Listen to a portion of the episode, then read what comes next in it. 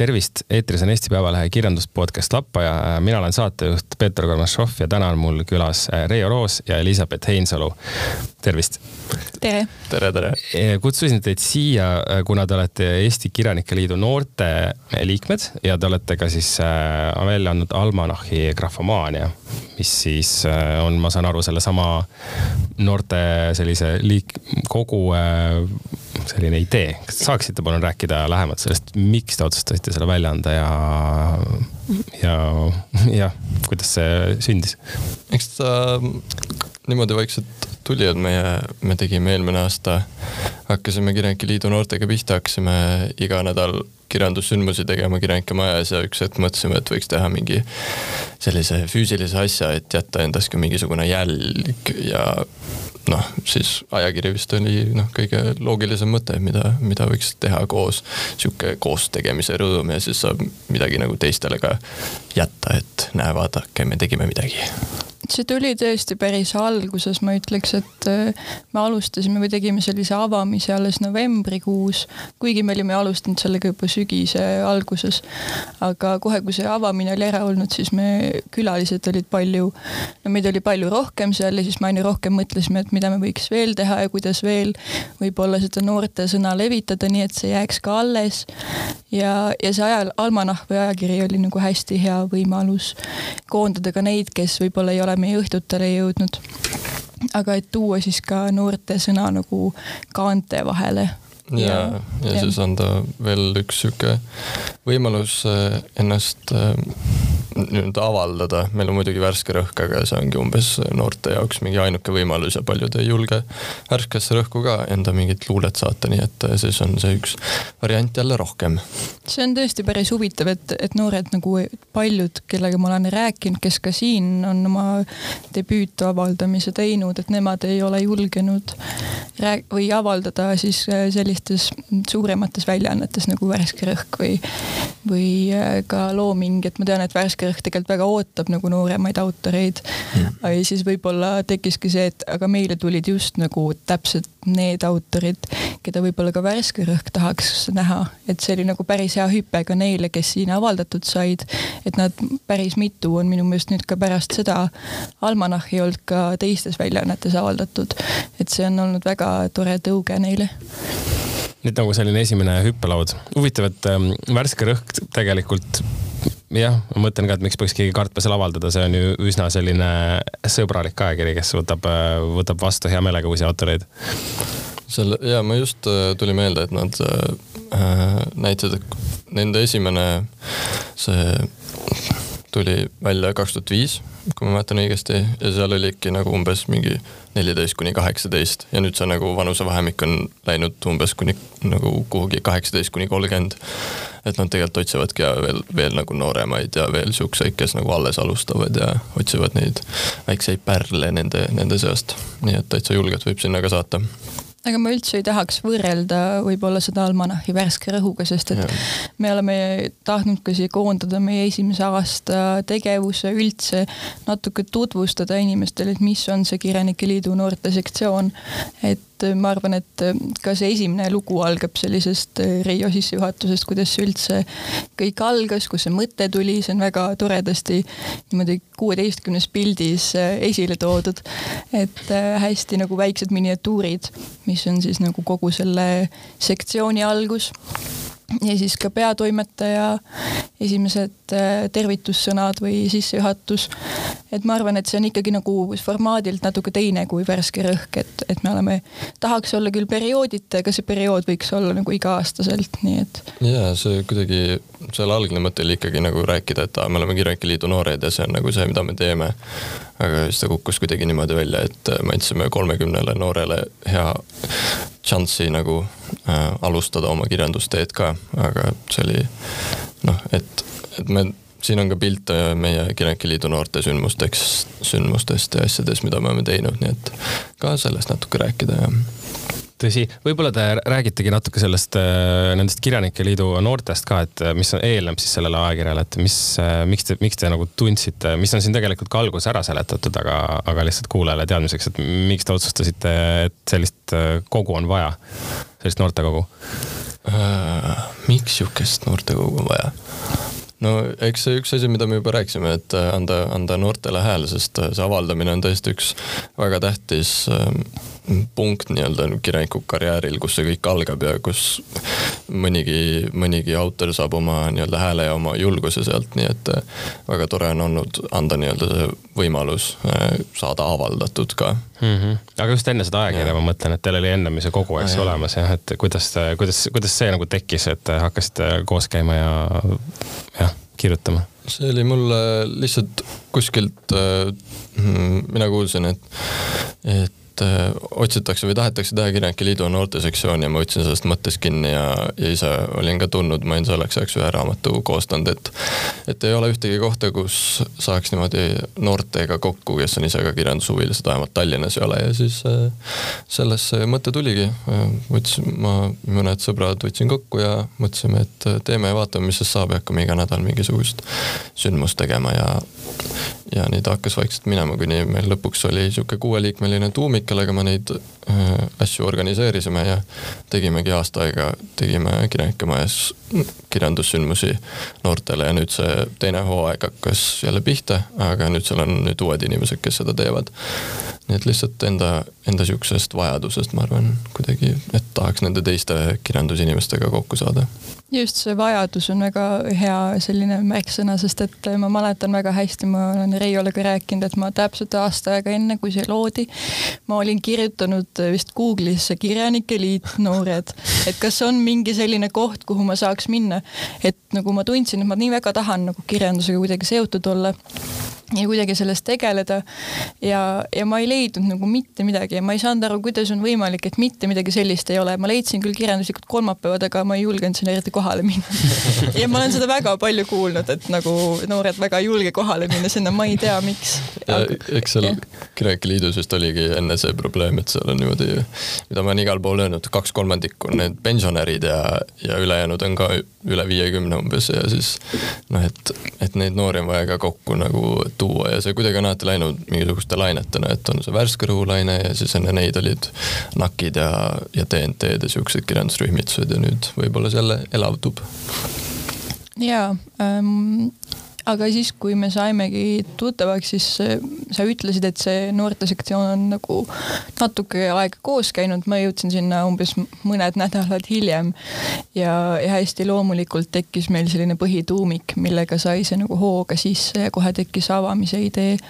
et see läks kuidagi hästi kiiresti, hästi loomulikult. kuidas te grupeerusite, kuidas te infot levitasite või noh, et kui nagu mingit kohta ei olnud, siis kuidas te üksteist leidsite see, no see koht oli, see oli õnneks kohe olemas, see Kirjanike Liit äh, neil on, oli seal Kirjanike majas üks vaba tuba, seal Faatumi tuba ja siis me saime hakata seda kasutama ja siis mina lihtsalt mõtlesin, et kes mu sihuke kirjanikest sõbrad on või pigem sõbrannad, nad on alati sõbrannad olnud millegipärast. Ja võtsime paar sõpra kokku ja siis hakkasime rääkima ja siis nemad kutsusid enda, enda sõpru ja siis kuidagi hästi loomulikult ja koolis ka natukene rääkisin midagi ja siis jälle kuskil keegi oli, et jaa, ma tahan ka nagu kaasa lüüa ja võtsin jälle klassist, võtsin mõne kirjandusinimese kaasa ja siis tuli Elizabeth ja siis oli, ta sobib ka kampa, et hakkame tegema ja. ja ikka nagu kirjandussündmused kuidagi toovad inimesi kokku, sest me saime ka tuttavaks luulevõistlusel, mis on nagu väga konkreetne koht, kus jällegi tekkis see mõte, et, et kui on ka mingi koht, kus iganädalaselt inimesed kokku saavad täiesti erinevatest koolidest, et see on ju jällegi mingi koht, kus tekitada mingisugune ühine huvi, mille kaudu inimesed võivad kokku saada.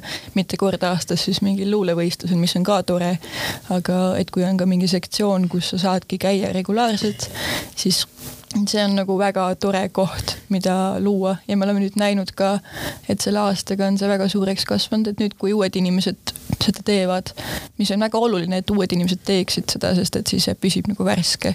et võib-olla kui ühed inimesed veavad seda nii kaua, kui nad ei viitsi enam teha seda, siis see kipub ära vajuma, aga me mõtlesime kohe, et nii et kuna me ise läksime kõik nagu igale poole laiali, et kes ülikoolidesse ja kes mujale ja et siis oli nagu oluline, et et seda igal aastal uuesti võtaksid entusiastlikud inimesed kätte ja, ja nüüd on ka nagu see seltskond on hoopis teistsugune, kes seal käib ja see sõna levib aina rohkem ja see on väga-väga tore. kas teie olete ka ikkagi osa sellest veel või, või, või mis teie roll siis praegu on olete mentorid? ja kusjuures täpselt, täpselt seda me oleme äh, praegu. Ähm, on, on suur au äh, neid äh, saada küsimusi nendelt uutelt juhtidelt või, või sealt uuelt tuumikult, et kuidas see käis ja kuidas see käis ja siis hea meelega seletame, aga muidu, muidu me vist lihtsalt käime kohapeal kaasas ja elame kaasa, kaasa nendele ja lihtsalt tore on näha, et teised teevad ja nüüd saab lihtsalt ise ka nautida sellest asjast ja mitte muretseda kogu aeg organiseerimise pärast. jah, need küsimused ongi nagu alates organisatoorsetest asjadest kuni mingi veekannude leidmiseni, et et selles mõttes sa saad nagu kõigega abiks olla, me just täna ka leppisime kokku, et või kuidagi loomulikult on kujunenud see, et et Reio tegeleb pigem sellega, et see Tallinna asi püsiks nagu üleval või et tema poole saab alati vist pöörduda. ja siis, aga me tahaksime ka nagu Tartus avada, nii et see on natuke viibinud kogu see aeg et see saaks sinna tekkida ja siis, et on inimesi, kes sinna tahavad väga liituda, aga, aga lihtsalt see ei ole kuidagi veel kokku saanud, et siis ma hea meelega võtan enda peale selle kindlasti Tartus ja muidugi oleks, ma ei, kohti on ka ilmselt erinevaid, kus seda teha saaks. seal on ka ju kirjanike see, ma ei tea, kirjandusmuuseum on olemas, ma ei tea, kas seal saaks. ma saan aru, et me oleme juba vist äh, mingid kokkulepped on tehtud Berit Vaheriga ka, kes on siis see kirjanduse maja juhataja. no eks seal jah, seal midagi niimoodi lubada ei, ei oska praegu, aga jah, eks kirjanike, Tartus on see Kirjanike Liidu Tartu sektsiooni maja ja siis seal saaks teha siis nagu Tartu lastele ka siis noor või tuua need noored seal siis kokku, mis võiks teoorias olla isegi lihtsam, sest seal on need kirjandustudeng, tudengid ja ja, ja seal saaks need inimesed kokku tuua ja teha sinna ka see noortesektsioon, ma usun, et seal oleks ka sellest palju kasu hmm,. kindlasti, aga kas need praegused tegijad on siis ütleme ka keskkooli õpilased, et nad ei, kas see oli nagu teie mõte, et kui te ise lähete näiteks, ma ei tea, ongi ülikooli või kus iga, mida iganes tegema, eks ju, et siis, siis tulevad nagu teist nooremad sinna, kes on koolis alles? ja meil praegu, kusjuures täpselt see oli ka üks probleem, et kõik läksid ülikooli ja kõik läksid kuhugi kuhugi Tartusse või ära kuhugi mujale. ja siis see tuumik läks nagu laiali ja siis nüüd see uus tuumik, seal ongi äh, viis kuuest vist käib ikkagi gümnaasiumis veel. ja Maiken Tiits, kes on nüüd see uus äh, juht seal, siis tema äh, käib ülikoolis ja, ja tegelikult see vanusevahemik, keda me otsime sinna on ikkagi noh, sihuke viisteist kuni kolmkümmend, nii et mitte ainult gümnaasiumi ja, ja põhikooli lõpuklassid, vaid ka kõik, kes on, kes praegu õpivad ülikoolis ja kes on natuke vanemad ka, nemad on vahepeal öelnud, et issand, siin on ainult need gümnaasiumi noored ja mina olen liiga vana selle jaoks, aga. jah, need, kes on mingi üle kahekümne viie ja ei ole veel mingi nelikümmend või viiskümmend, et nendel on nagu jah, nad võivad ka minna sinna. ja võivad ja täitsa vabalt, täitsa vabalt. ja meil praegu on ka nüüd see uus tuumik minu meelest, kuna seal on kõik inimesed nagu nad ei, üksteist vist väga hästi ei tundnudki enne, mis oli nagu väga-väga tore, sest et kõikide kaudu on tekkinud täiesti erinevad inimesed, kes sinna tulevad. ja, ja nüüd ongi nagu see vanusevahemik on ka palju segasem segasem või segamini, et, et ongi ülikooliõpilasi ja on nooremaid ja on veits vanemaid, et see on nagu palju vabam, et võib-olla ei, ei pea kohe olema kõik gümnaasiumist, et jah, ma arvan, et see on hea. kas te ise, kes te alustasite seda, jätkate ka loomingulise tegevusega pärast seda, kui nüüd äh, ajakiri sai valmis ja, või almanah? Ja jätkame küll, just väga-väga pingsalt ootame ühte kulka vastust, mis oh, see, see kuu nagu eriti viibib. nii et me oleme ja väga jõudsalt no Reio tegeles vist juba enne, aga, aga ma olen saanud nagu just loomingulise impulsi sealt nagu rohkem, et avaldada just rohkem või, või võib-olla oli alguses enne seda grafomaaniat oli nagu see, et, et okei okay,, ma võin ju nagu saata ajalehtedesse, pealkirjadesse, aga et nagu raamatut kokku panna, see on ka tore ja ma isegi tegelesin sellega, aga see ei olnud nagu kunagi nii tõsine plaan, et ma peaks seda nüüd kohe ja praegu tegema aga, aga see kuidagi, see graafomaania tekitas tunnet, aga miks mitte, ma ju võin seda kohe teha ja, ja ma tegin ühte käsikirja väga palju ümber ja, ja see võttis küll aega, aga, aga nüüd ta siis on koos ja, ja on lootust see siis välja anda ka kohe. Ja üks teine projekt on ka hoopis teisest žanrist, mis on ka väga põnev. Jah, et, et väga hea loominguline tegevus. mis see teine projekt siis on, kui sa tahad sellest rääkida? ja teine projekt on üks lasteraamat, mis on väga südamelähedane ja Reio on lugenud ka seda juba ja mul on kuidagi hästi hea meel, sest et luule on küllaltki spetsiifiline žanr, ma tunnen. ja, ja lastekirjandus on olnud mulle alati hästi südamelähedane. ja ma ei oleks kunagi arvanud, et ma nagu nii noorelt võiks kirjutada lastekirjandust. sest et äh, paljud minu meelest lastekirjanikud on pigem vanemad olnud või ka Astrid Lindgren andis oma esimese raamatu välja, kui ta oli kolmkümmend seitse. et see, et mulle endal tundus ka, et mul ei ole nagu nii lähedast kokkupuudet lastega, et ma võiks mõelda, mida nad mõtlevad. ja siis ma mõistsin, et nad on ju inimesed, mõtlevad täpselt neid samu mõtteid nagu mina, muretsevad täpselt nende samade probleemide pärast, mille pärast muretsen mina. ja sellised põhiinimküsimused on võib-olla seal sees kõige rohkem. et ta on küll lastele, aga ma arvan, et ta kõnetab ka rohkemaid ja mind ennast kõnetab see ka, aga võib-olla ma siis tunnen, et ma olen piisavalt laps, et seda kirjutada. jah, just sobivas vanuses piiri peal niimoodi seal. aga jah, kindlasti ei ole noortekirjandus, see on nagu ma ütleks, et sihuke viis kuni üheksa okei okay., no heas lasteraamatus on täiskasvanutele ka midagi, nii et äh, kõlab hästi. kui me jõudsime korra teie loomingule, siis Riia, sinul on ka ju hiljuti ilmunud äh, luulekogu jah, tõepoolest on ja.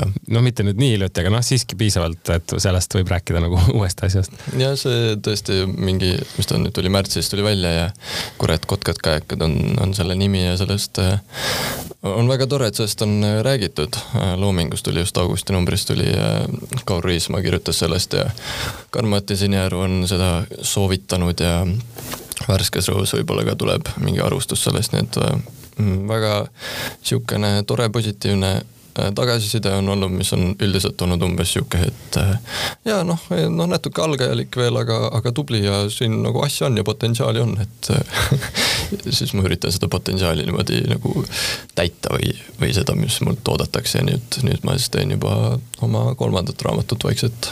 Hmm. koostan ja selle, selle kulka vastust me siin nii hullult ootamegi et kõik on nagu valmis ja saaks nagu kohe riiulitele tulla, aga tahaks seda kulka toetust nüüd väga-väga saada. vana hea kulka toetus kas te olete, olete seal mitme autoriga siis või ainult, ainult sina oled seal Reio või mitu, mitmekesi olete? meil on kummalgi oma, oma. aa, see on vist oma taotlus mõlemal, eks ju? okei, selge. me mõlemad nagu... ootame väga. mõlemal on oma luulekogu, mis nüüd ootab avaldamist. samas voorus olete lihtsalt andnud taotluse sisse? ja -hmm. erinevad kirjastused on ka, nii et selles mõttes on jah saate koos esitluse teha? no kui me saame mõlemad raha, mis mis, no see on muidugi, oleks väga kurb. või tegelikult see on ikka rõõmus, kui üks saab, aga teine ei saa ja see on lihtsalt teise jaoks on natuke kurb, aga ma loodan, et kas me mõlemad saame või siis mõlemad me ei saa ja see, kes saab, teeb teisega pooleks kusjuures ma just mõtlesin seda, see oleks väga lahe, aga seal vist on väga kindlad aruanded, et sa ei saa panna sinna eraldi nagu jaotusesse, et väikses kirjas juurde veel by the way, selle annan ka välja. jah, ups aga mul tuli veel meelde ka see, et miks üks või mis üks selle noortesektsiooni idee oli ka nagu anda hoogu noortele oma mm, siis teoste väljaandmisele. Äh, et nad võiksid julgeda oma raamatuid välja anda. Ja, ja kuna Reio on sellega rohkem olnud seotud, aga, aga sellegipoolest, kuna ma ise tunnen ka praegu, et ma vist selle kirjastustegevusega olen nagu mingi kadalipu läbi teinud, et et see on ähm, väga õpetlik kogemus olnud ja kui keegi nagu küsib abi, siis sa tunned, et okei okay,, et sul võib-olla on isegi midagi jagada, et et kuidagi, kuidas läheneda või, või mida üldse öelda või kuidas leida kirjastust, et ma arvan, et see noortesektsioon on andnud ka hea võimaluse seda, neid mõtteid jagada. Ja päris mitu inimest on, kes ma tean ka praegu annavad raamatuid välja või tahavad vähemalt anda. Ja see on tulnud väga otseselt, ma arvan, sellest, et see sektsioon on kokku toonud inimesi. Ja, ja minu meelest sel aastal veel rohkem isegi nagu need, kes seal praegu tegutsevad, et nemad julgustavad nagu oma tekste lugema ja jagama ja tagasisidet andma, et meie isegi nii väga sellega ei tegelenud, et et inimesed loeksid oma tekste niisama ette, mida nad võib-olla ei kirjuta koha peal, vaid lihtsalt, et mis nad on vahepeal võib-olla kirjutanud ja et äkki nad tahavad ette lugeda, tagasisidet saada. aga nüüd sel viimasel korral, eelmisel neljapäeval siis keegi nagu hõikas selle välja ja see oli nii tore mõte, et et võib-olla oleks tore kuulda üksteiselt tagasisidet, isegi kui see on väga hirmus. aga, aga see on nagu tore, mida see on ka loonud, see sektsioon. no äh, ausalt tagasiside on ikka kõige vajalikum asi, kui tahad äh, areneda, et lihtsalt võib-olla tundub, et noh, tegelikult see ei ole ainult Eesti spets-, spetsiifika, aga ka teistes riikides noh, et kirjandusringkonnad samamoodi nagu kunsti või mis iganes muusikaringkonnad on mingi kindel suur arv inimesi on ju, nad ei ole noh, väga suured. sõltuvalt muidugi sellest riigist, aga et raske on nagu ei taheta võib-olla anda seda ausat tagasisidet umbes oma sõbrale või kellelegi, et äkki solvub, aga noh, autorina sa saad ju ikka ainult siis paremaks, kui, kui keegi sulle paar korda ikka paneb mõnusalt ära niimoodi, et sa ja toob need õiged asjad välja välja muidugi.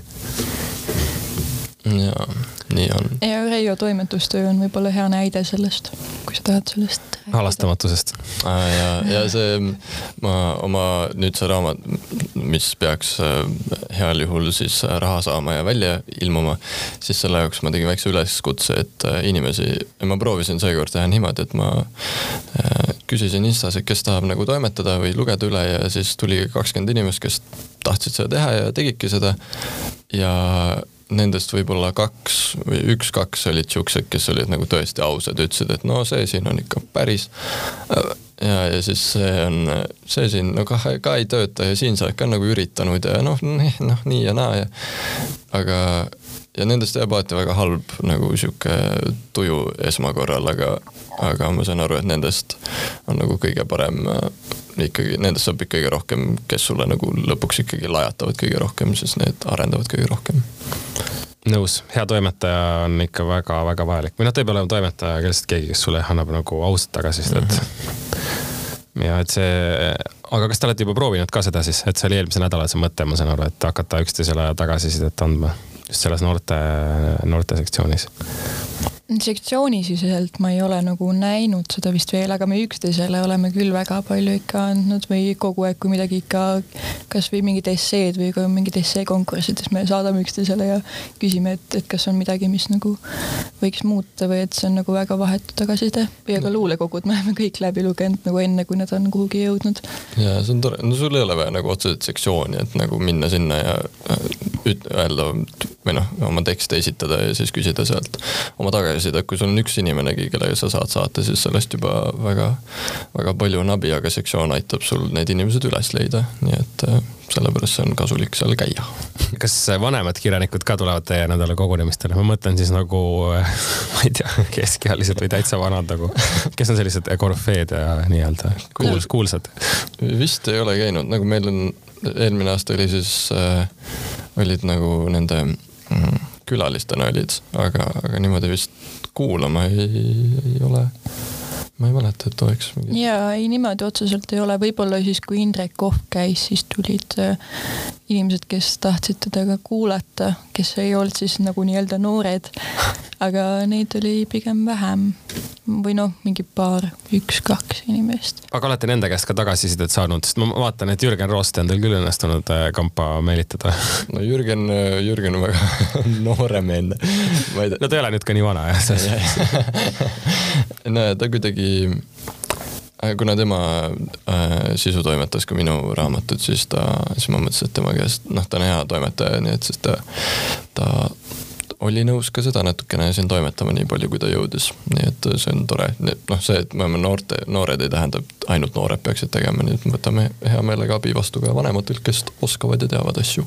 ja kui on ka toimunud mingeid sündmusi, kasvõi Musta laega saalis neid ikka toimub, siis ikka teatakse, et me oleme sealt noortesektsioonist ja ja nagu minu meelest on tagasiside olnud väga positiivne või, või väga elatakse kaasa vähemalt Kirjanike Liidu poolt ja kas teil on mingid regulaarsed äh, kogunemised siis äh, no ka peale siis nende, kas ta oli neljapäev, ei kolmapäeviti, neljapäeviti, neljapäeviti. just jah. Praegu, no see ongi see põhirõhk on vist nendel noorte neljapäevadel Kirjanike majas Faatumi toas. Kell seitse on need tavaliselt. ja nüüd see uus äh, juhatus äh, otsustas neid jätkata neljapäeviti, nii et siis sa alati tead, millal need on, alati saad tulla ja vaadata, mis seal siis seekord toimub. Jah, muidugi nüüd, kui ma siin ütlen, see, kui see eetrisse tuleb, siis see on juba läbi, aga homme tuleb äh, Mihkel Raud külla, mis on mm. väga, väga põnev. lahe kas iga kord on keegi selline külaline nendel asjadel või see ei ole alati? päris iga kord vist ei ole olnud, aga, aga ikka on päris tihti eelmisel aastal ka. et ma mäletan teatripäeva puhul oli ka, me mõtlesime, et me kutsume kedagi just eh, teatrivaldkonnast ja me kutsusime Jaak Printsi, mis oli väga-väga kutsuv. et meil oli vist kõige rohkem inimesi üldse kohal ja Tammsaare sünniaastapäeva puhul oli Maarja Vaino, mis kutsus ka väga palju inimesi, et võib-olla sellised mm, kirjanikega kohtumised või ka teadlastega, kes teavad mingisugusest kirjanikust tohutult palju, on kõik oma uurimistööd tema kirjanduses teinud, et nemad on nagu kutsuvad väga palju noori ka kohale, et, et meil on ka loovkirjutamist, aga ja need on ka väga kutsuvad, aga ma ütleks, et võib-olla need kirjanikud nagu kutsuvad ka sinna, et tekib nagu kindel arusaam, et mis seal õhtul toimub. et see on nagu võib-olla kutsub inimesi kohale rohkem Äh, grafomania on äh, väga, noh, kui ma seda lugesin, siis ma avastasin, et väga palju on äh, noori, kellel on midagi öelda ja väga palju on just luuletajaid, sest räägitakse kogu aeg, et luuletusi keegi ei loe, luuletusi keegi ei kirjuta täiesti mõttetu onju. ja siis on terve nagu hunnik inimesi, kes sellega tegelevad ja nagu täiesti okeil tasemel, mitte noh, et see oli nagu minu jaoks nagu üllatus, ma arvan, see on paljude jaoks üllatus. tõesti, ja meile saadeti väga palju, väga palju materjali, seda oli üle kahesaja lehekülje pluss veel mingi paar näidendit ja luulekogu. ja see oli üllatav, et seda luulet oli nii palju, muidugi võib-olla see ka ikkagi natukene mõjutab, et me ise oleme, meie seas oli rohkem luuletajaid kui mingeid no novellide kirjutajaid või, või prosaiste. aga, aga võib-olla jah, see noorena kuidagi luule kirjutamine on, on lihtsam ja, ja seda tundub ikkagi olevat nagu proportsionaalselt rohkem kui muid žanre kui ma ise vaatan ka, siis enne proosa poole vaadata on palju keerulisem või et nüüd ongi see lasteraamat on äh, päris hea algus, et proosaga tuttavaks saada. et võib-olla luules on nagu, võib-olla rohkem kärsitu ja võib-olla see noorte kärsitus on nagu luules väljendamiseks palju lihtsam vorm kui pikad romaanid. et et äh, see ilmselt on suhteliselt loomulik, et on väga palju tundeid ja väga palju mõtteid, mis tahavad kuidagi väljendust leida ja luule on selleks nagu väga hea võimalus. ja mina ka ei suuda tavaliselt üle, üle ühe lehekülje kirjutada korraga, aga ma liigun sinnapoole nojah, emotsioon kiiresti, kiiresti välja. kas äh, kui, kui nüüd äh, noh, see ajakiri või esimene number sellest äh, Almanachist ilmus juba mõned kuud tagasi, kas on mingi plaan ka, et millal järgmine välja tuleb? iga, jah jah, ei ta vist noh, iga aasta me mõtlesime, aga noh, see oleneb nüüd muidugi täiesti sellest uuest tuumikust, et mida, kas nad tahavad seda teha või kas nad näevad, et see asi on üldse vajalik või. Me nagu otseselt kriteeriumeid neile ei öelnud, et te peate nüüd seda ja seda tegema, aga, aga me nagu natuke ütlesime, et, et oleks väga tore, kui te teete ka graafomaaniat järgmisel aastal. ja väga tore oleks, kui võib-olla see graafomaania sisu äkki koondakski just neid tekste, mis on võib-olla seal kohapeal kirjutatud või et see oleks rohkem seotud selle sektsiooni tegevusega. et kuna meil nagu seekord me vist koondasime ka neid tekste ikka, mis me oleme seal töötubades kirjutanud, aga, aga oleks väga tore, kui võib-olla sel aastal oleks rohkem just, et see oleks konkreetselt selle tegevusega seotud ja nende loovkirjutamiste õhtutega aga seekord oli ka siis pigem äh, nende tegevustega või, või pigem olid äh, need enne, need olid ikkagi saadetud tekstid on ju? Need olid saadetud ja päris paljud olid just pigem mitte, ma arvaks, et äh, võib-olla meie enda nagu tekstid olid päris paljud, mis oli kohapeal kirjutatud. et me nagu kuidagi panime need sinna sisse, sest et see oli asjakohane. aga, aga väga paljud, kes saatsid, olid lihtsalt noored erinevatest Eesti otstest ja me ei olnud neid kunagi näinud ja nad ei olnud meie õhtutel käinud ka mm. -hmm. see on, selle, seda oli tõesti lahe näha, et lihtsalt kõik mingid äh, võõrad noored äh, kuidagi on kuulnud sellest ja hakkasid ka saatma meile ja, ja me tagantjärgi alles tutvusime nendega, nii et see on ka lahe aga kust teie kohta veel infot saab peale selle, et noh, et te käite koos on ju neljapäeviti või nüüd noored käivad koos, et kus, ma ei tea, mingid inimesed, kes kuulavad seda saadet ja kirjutavad, tahaksid, ma ei tea, organiseeruda, kuhu nad, kuhu nad peaksid vaatama? eks äh, ikka Facebook ja Instagram, äh, Kirjanike Liidu noored, äh, sealt leiab, see on, see on kõige lihtsam ja Instagramis on kõige, kõige paremini vist leiab seda infi, ma arvan ja, või siis ka lihtsalt kohale tulla neljapäeval kell seitse, sest ma mäletan, et keegi. veel hirmsam ja ma mäletan, et keegi ütleski, et, et et ah, ma ei tea, mis täna toimub, ma lihtsalt teadsin, et täna on see neljapäev ja ma tulin kohale nagu alati, et ma ei ole ühtegi sotsiaalmeedia postitust näinud, ega ma ei tea, aga ma tean, et see toimub. et, et ka on ka mõni see inimene, kes lihtsalt rutiinist juba tuleb alati kohale. ja igaks juhuks ütleme, et see on kõigile avatud, see on tasuta, kõik võivad tulla, see ei ole mingisugune kinnine värk, vaid see on täiesti kõigile, kõik on teretulnud. tasuta on väga tähtis ka. ja, ja, ja. alguses me tegime nalja ka, et tuleb passi näidata, sest me oleme nagu noored ikkagi kui sa oled alla viisteist või üle kolmekümnes, viskame välja suvega kas koduloomaga saab ka sisse? koeraga? seda ei olegi enne olnud, see on päris huvitav. no, no kui kellelgi allergiat ei ole, siis ma usun, et ikka saab väga hea. Ja kas äh, järgmine üritus on siis? Mihkel Ravakaki, aga seda kuulajad ei saa kuulama minna, sest saade läheb eetrisse hiljem, aga, aga siis järgmisel nädalal on ka midagi. mis iganes järgmine neljapäev on, siis, siis arvatavasti on. Ja tuleb lihtsalt silma peal hoida, ma usun, et infot tuleb Instagrami ja Facebooki tihti mida te soovite, tähendab, ütle, küsin niimoodi, et kui te avaldasite oma esimesed äh, tekstid mm,, siis mis, mis tunne teil äh, oli pärast seda? no ikka väga hea tunne ja minu esimene nagu loomingu avaldamine oli vist mingi esseistika, aga see oli just nagu luuleväliselt ja siis pärast seda tuli nagu selline päris oma looming, mis avaldati näiteks Värskes Rõhus. aga just see, kui keegi avaldab su essee, no see oli mingi konkursi raames. ja siis tuli veel teise konkursi raames ja see oli nagu väga-väga hea tunne või ma tundsin, et, et okei okay,, et kellelgi läheb vist korda see, mis sa mõtled või jah, see oli väga mm. Hea tunne. see esimene, esimene avaldamine mul oli paar aastat tagasi Värskes Rõhus ja see, see oli ikka kõige magusam tunne, see just see esimene, et no vot nüüd, nüüd nagu läks käima, et nagu nüüd, nüüd on, nüüd ma olen midagi saavutanud ja noh, paar kuud hiljem ma vaatasin, et no issand jumal, no kohutavad tekstid, aga, aga noh, ilma selle, selle esimese korrata ei oleks neid järgmisi ikka tulnud, nii et see, ma olen väga tänulik selle eest, et Värske Rõhk mind tookord vastu võttis kohe. luulega mul oli küll seesama tunne, et ma mäletan esseedega mulle väga meeldis ja ma tunnen, et ma siiani nagu võin alla kirjutada nendele mõtetele, mis seal oli, mis ma olin kirjutanud juba päris ammu. esimene oligi vist, kui ma olin vist üheksandas klassis, aga ikkagi kuidagi kõnetab praegu ka.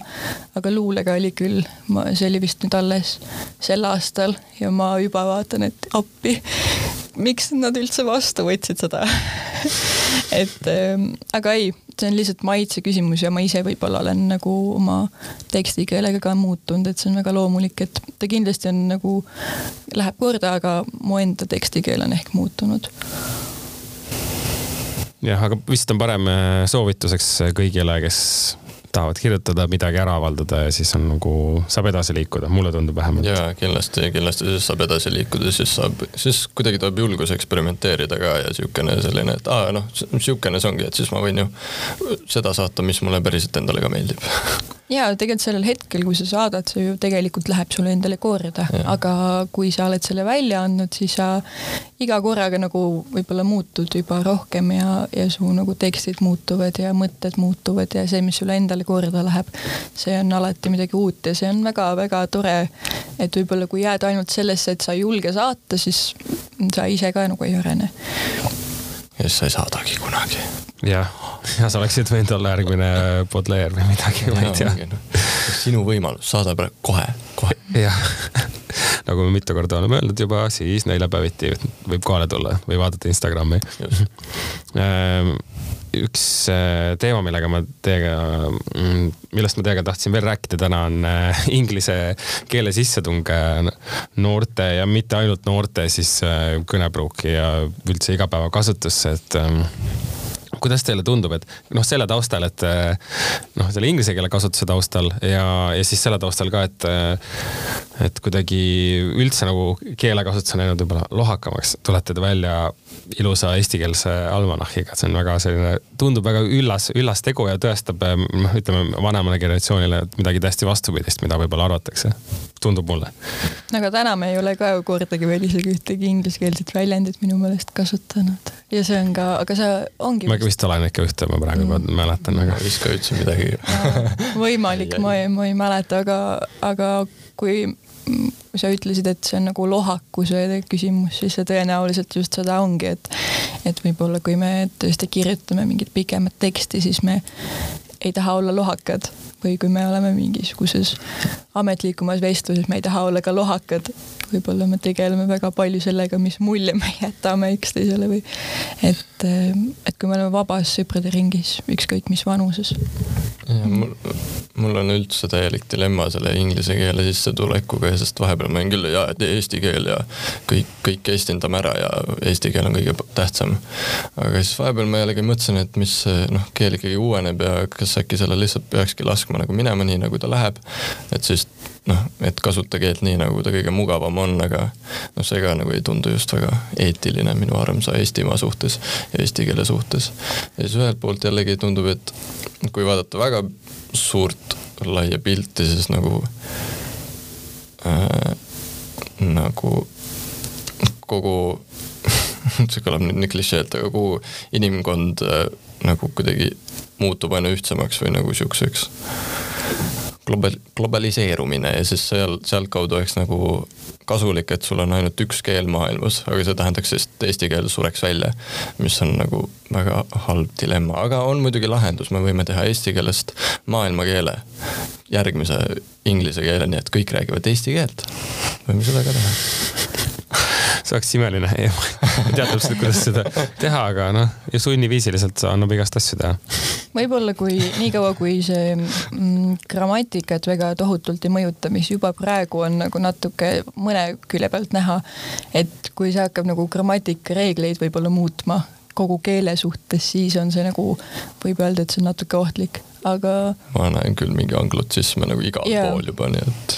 ja see on nagu, see on kindlasti mingil määral probleem, aga, aga noh, et kust leida see piir, et millal see on nagu loomulik nähtus, et tõesti, me elame nagu nii globaliseeruvas maailmas kultuuriliselt ja, ja vaimselt ka või sotsiaalmeedia kaudu juba et see mingis mõttes on paratamatus, et, et me ei suuda jääda oma kultuuriruumi ainult kindlaks.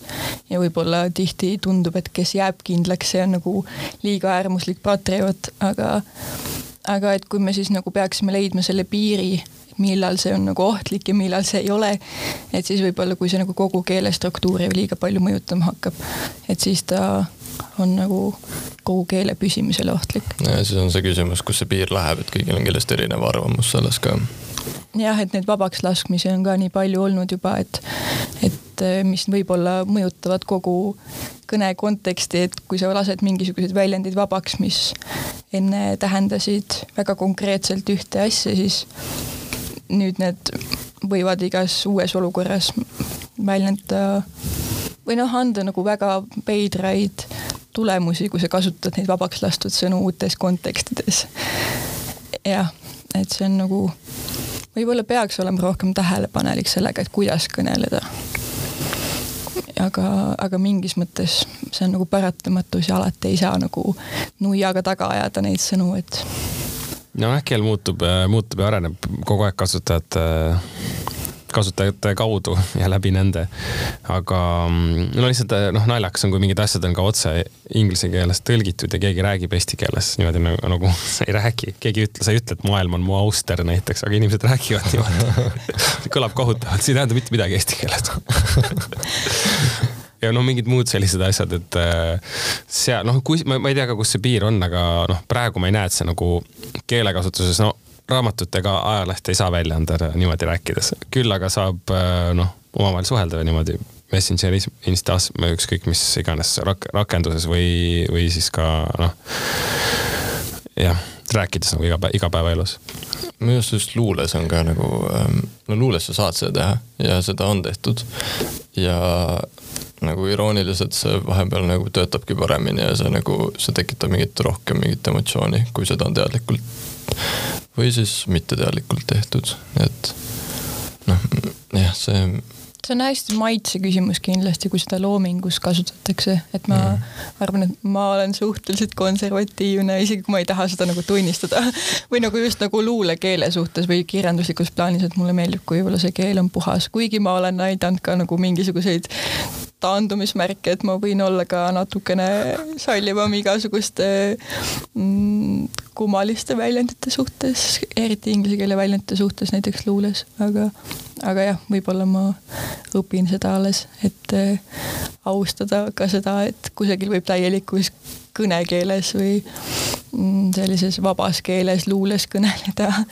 et see on äh,, aga jah, sellega on endal tulnud küll nagu harjuda, jah tegelikult äh, kui ma, kui ma olen kirjutanud, siis ma olen kirjutanud võib-olla eks siukse, eks, äh, et eksperimenteerida, näiteks siis ma olen kasutanud inglise keelt ja see töötab vahepeal väga hea, hästi, kui sa tahad eksperimenteerida, aga kui ma näen kellegi näiteks mingis slideshow's näen mingisugust rõvedat anglotsismi, siis ma nagu kogu see esitlus, ma ei saa enam seda väga tõsiselt võtta või see võtab kohe mingisuguse taseme maha minu jaoks. Või kui ma räägin kellegiga ja ta ei suuda ennast nagu eesti keeles täielikult, äh, täielikult ikkagi kuidagi, kuidagi väljendada, siis no mitte, et see halvem oleks, aga, aga see on ikka veits sihuke mingi see no. nagu paratamatult tekitab mingit eelarvamust, isegi kui sa üldse ei taha seda.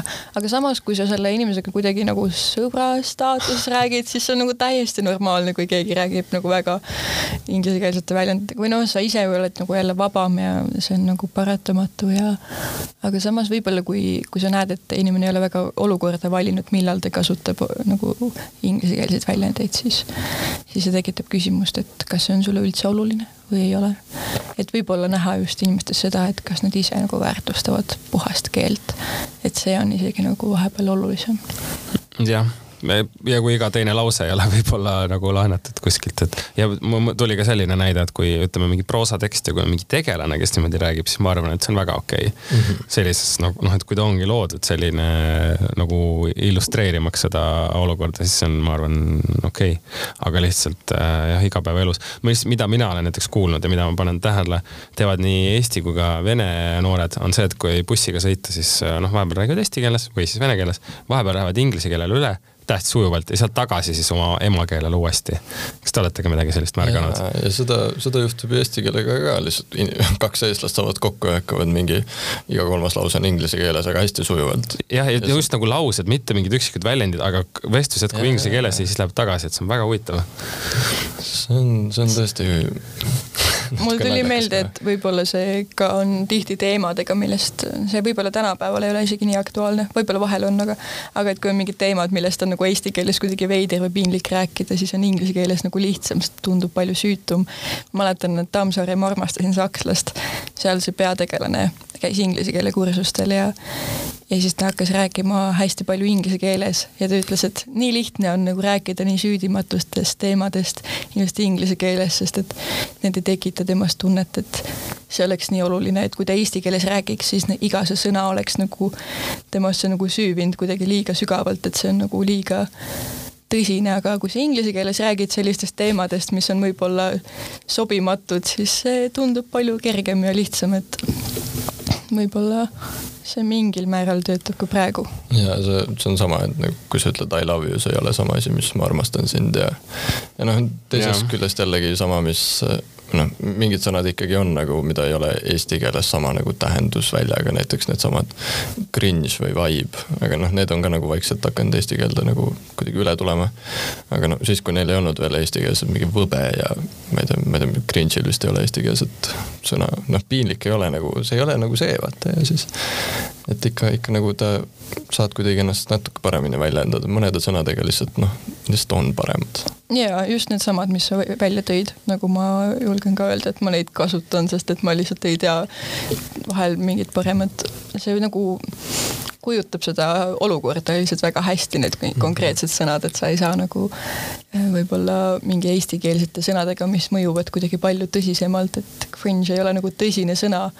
aga kui sa ütled piinlik, siis see tundub nagu, see ei ole embarrassing nagu, et see on palju noh, et on nii palju süütumad sõnad kuidagi, et sa võid neid lihtsamates olukordades kasutada, kus see tõesti see õhkkond on nagu üleval tõsi, no mingite sõnadega on ju okei okay ka, ma arvan, nii prantsuse keelest, itaalia keelest on tulnud sõnu, noh, vene keelest ka muidugi, eriti eelmistel aastakümnetel, et, et see lihtsalt on paratamatu vist, et natuke niimoodi on. Aga ma ei tea, kui te lihtsalt enda sõpru mõtlete või koolikaaslasi või ülikoolikaaslasi, et kuidas äh, nagu, kuidas teile nagu tundub? Noh, et, et kas on nagu väga, olukord väga hull või no kuidas, kuidas te ütleksite see. või sõltub nagu inimesest? sõltub muidugi inimesest. Ehm, no hull, hull, kas on või ei ole, see jällegi sõltub sellest, kas sa arvad, et see asi on halb, see olukord või ei ole või mis piirini ta halb on.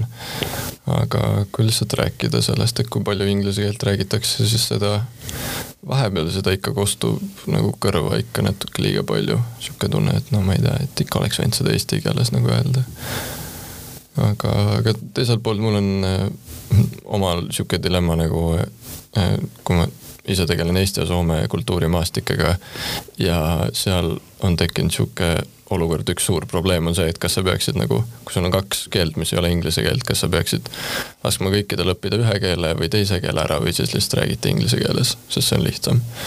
et nagu seal on ka jälle see, et noh, et kas minna seda lihtsat teed pidi või siis hoida enda kultuuri ja kõike kuidagi natukene noh, kuule, õpi soome keel ära või ma ei tea, õpi see teine keel ära see ikka jah, sõltub väga ringkonnast ka, et võib-olla ma ütleks, et isegi mitte, et esile tõsta nüüd kirjandusringkonda, aga võib-olla kirjandusinimeste seas on see nagu, inimesed panevad seda rohkem tähele, et me võib-olla kasutame neid väljendeid, aga me paneme seda palju tähele ka, et me kasutame neid, et, et ma ei tea, kuidas võib-olla mm, teistes seltskondades niimoodi on, et kas see on lihtsalt nagu lendab üle huulte, nii et sa ei pane tähele või see nagu, sa mõtled ka sellele, et okei okay,, ma nüüd jälle kasutan nii palju esto english'it või nagu. no ja eks sa kirjandusringkonnas vist kõik elavad keele sees ja siis sa nagu, sa märkad ja väärtustad eesti keelt palju rohkem, kui sa nagu kasutad seda igapäevatöös, nii et seal noh, kirjandusinimestelt jah, harva kuuleb siukseid ing inglisme Esto English'it. või siis, kui kuulebki, siis on nagu tihti ka irooniaga või yeah., või ma arvan ka, et kui sa seda tegelast peaksid kujutama, kes kõneleb hästi sellises Esto English'is, siis nemad on ka nagu neid tuleb väga maitsekalt kujutada ja need peavad olema kuidagi hästi nagu iroonilised võib-olla või noh. ma kujutasin ka mingi mats ette kohe kuidagi jah, või kui paratamatult sul tekib mingisugune veits sihuke ma ei tea, tuulepea ette käis väga noh, karikatuurselt nagu sihukest lihtsat keelt kõneleb. aga see on ka võib-olla mingisugune, ma ei tea, ettekujutus. sest me kõik ikka kõneleme niimoodi vahepeal ikka. ma mõtlen, et äh, üks asi kindlasti, mis aitab, on äh, raamatute lugemine, et sa oskaks ennast väljendada ja et sa ei suhtleks, äh, noh, kui, kui vaadata nagu äh, nii seda, kuidas meedia on üles ehitatud, üldse interneti kogu see keel, siis paratamatult äh, selline noh, ma ütleks, et keeleline võimekus ja ka üldse igasugune võimekus võib langeda, aga raamatu lugemine sunnib sind ikkagi nagu täislauseid lugema ja omaks võtma, nii et siis sa nagu räägid kõnedes rohkem, ma arvan, et see on sellega seotud kindlasti ka. ja võib-olla, kui me nagu otsime kogu aeg inglise keelest neid sõnu, siis see on äkki mingi puudujääk meie, ma ei tea, kirjanduslikust äh, nagu puudujäägist ka, et me nagu suudame, noh, et me ei taha ennast nii hästi väljendada, sest et me ei loe võib-olla nii palju raamatuid ja meil on see väljendusoskus on nagu väiksem ja siis me leiame seal ühe inglisekeelse sõna, mis nagu paneb kõik meie tunded nüüd ühte kohta. et või noh, et see väljendab nagu seda ühe sõnaga kõike, mis me tahame korraga öelda. aga kui inimesed loevad raamatuid, siis äh, kogu see sõnavara väljendusviis mm, kõik nagu laiendab nii suurelt inimese silmaringi ja võib-olla sisemaailma. et neid probleeme väga ei teki. ja ko, nagu korraga siis selekteeritakse ka ära, et, et kus mingi keel asub su mõtlemises, et kui sa räägid inglise keelt, siis see on hoopis teine piirkond, mis su mm, sees kõneleb, kui siis, kui sa räägid eesti keelt, et kui sa neid segad kogu aeg, et siis sa ei tea ise ka vahelt enam, kus nagu kumb keel asub. tõsi kindlasti, kindlasti on see jah, on niimoodi. vaatan, et vaikselt, vaikselt hakkab saateaeg läbi saama, aga ma tahaks küsida teie käest veel. kas te olete lugenud viimasel ajal midagi põnevat, mis on teile meelde jäänud ja, ja te julgeksite, julgeksite soovitada? ja mul on ähm mitte küll kahjuks ilukirjandus seekord, aga üks, äh, see on mingi edetabelite top üks äh, ingliskeelsetes raamatutes, äh, Factfulness, mis lihtsalt räägib sellest, kuidas me kõike näeme, näeme natuke maailma natukene valesti, lihtsalt sellepärast, et kõik, mida me oleme õppinud, on mingi kakskümmend aastat vana ja selle ajaga maailm on väga palju arenenud ja kõik asjad ei ole üldse nii halvasti, kui me arvasime, arvame nagu üldiselt.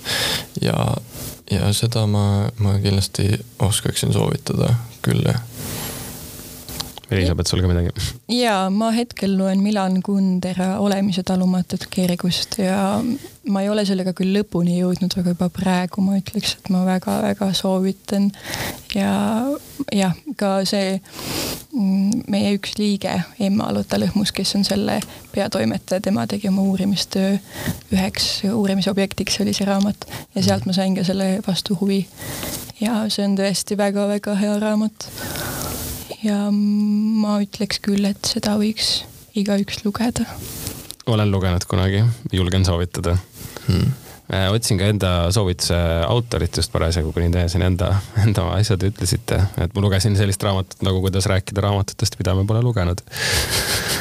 Äh, ja see oli üks väga hea lugemine, sest et see annab julgust, ma ütleksin, äh, seltskonnas avaldada arvamust raamatute kohta, mida siis noh mida ma nagu ei ole lugenud, et selle raamatu idee nagu selles, et kirjanduslik kaanon on lihtsalt nii kuidagi teada juba, et äh, kui sa tunned hästi seda süsteemi, siis, äh, siis sul ei ole tegelikult vaja neid äh, noh, kõiki raamatuid lugeda, sest see on võimatu, võimatu on kõiki raamatuid lugeda.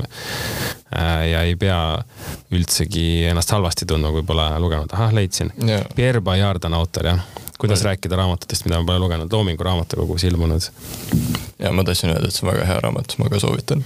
julgen soovitada ja kuulajatele ütleksin veel äh, nii palju äh, selleks äh, lõpetuseks, et järgmise saatega ilmselt ei lähe enam, ei tule nii pikka pausi, et aga kuna on teised tegemised ka, siis nii paraku on. aga aitäh kuulamast, aitäh teile saatesse tulemast. aitäh kutsumast. aitäh, aitäh. Nii et äh, kohtume neljapäeviti ja loeme kõik raamatuid ja proovime inglise keelt vältida, aitäh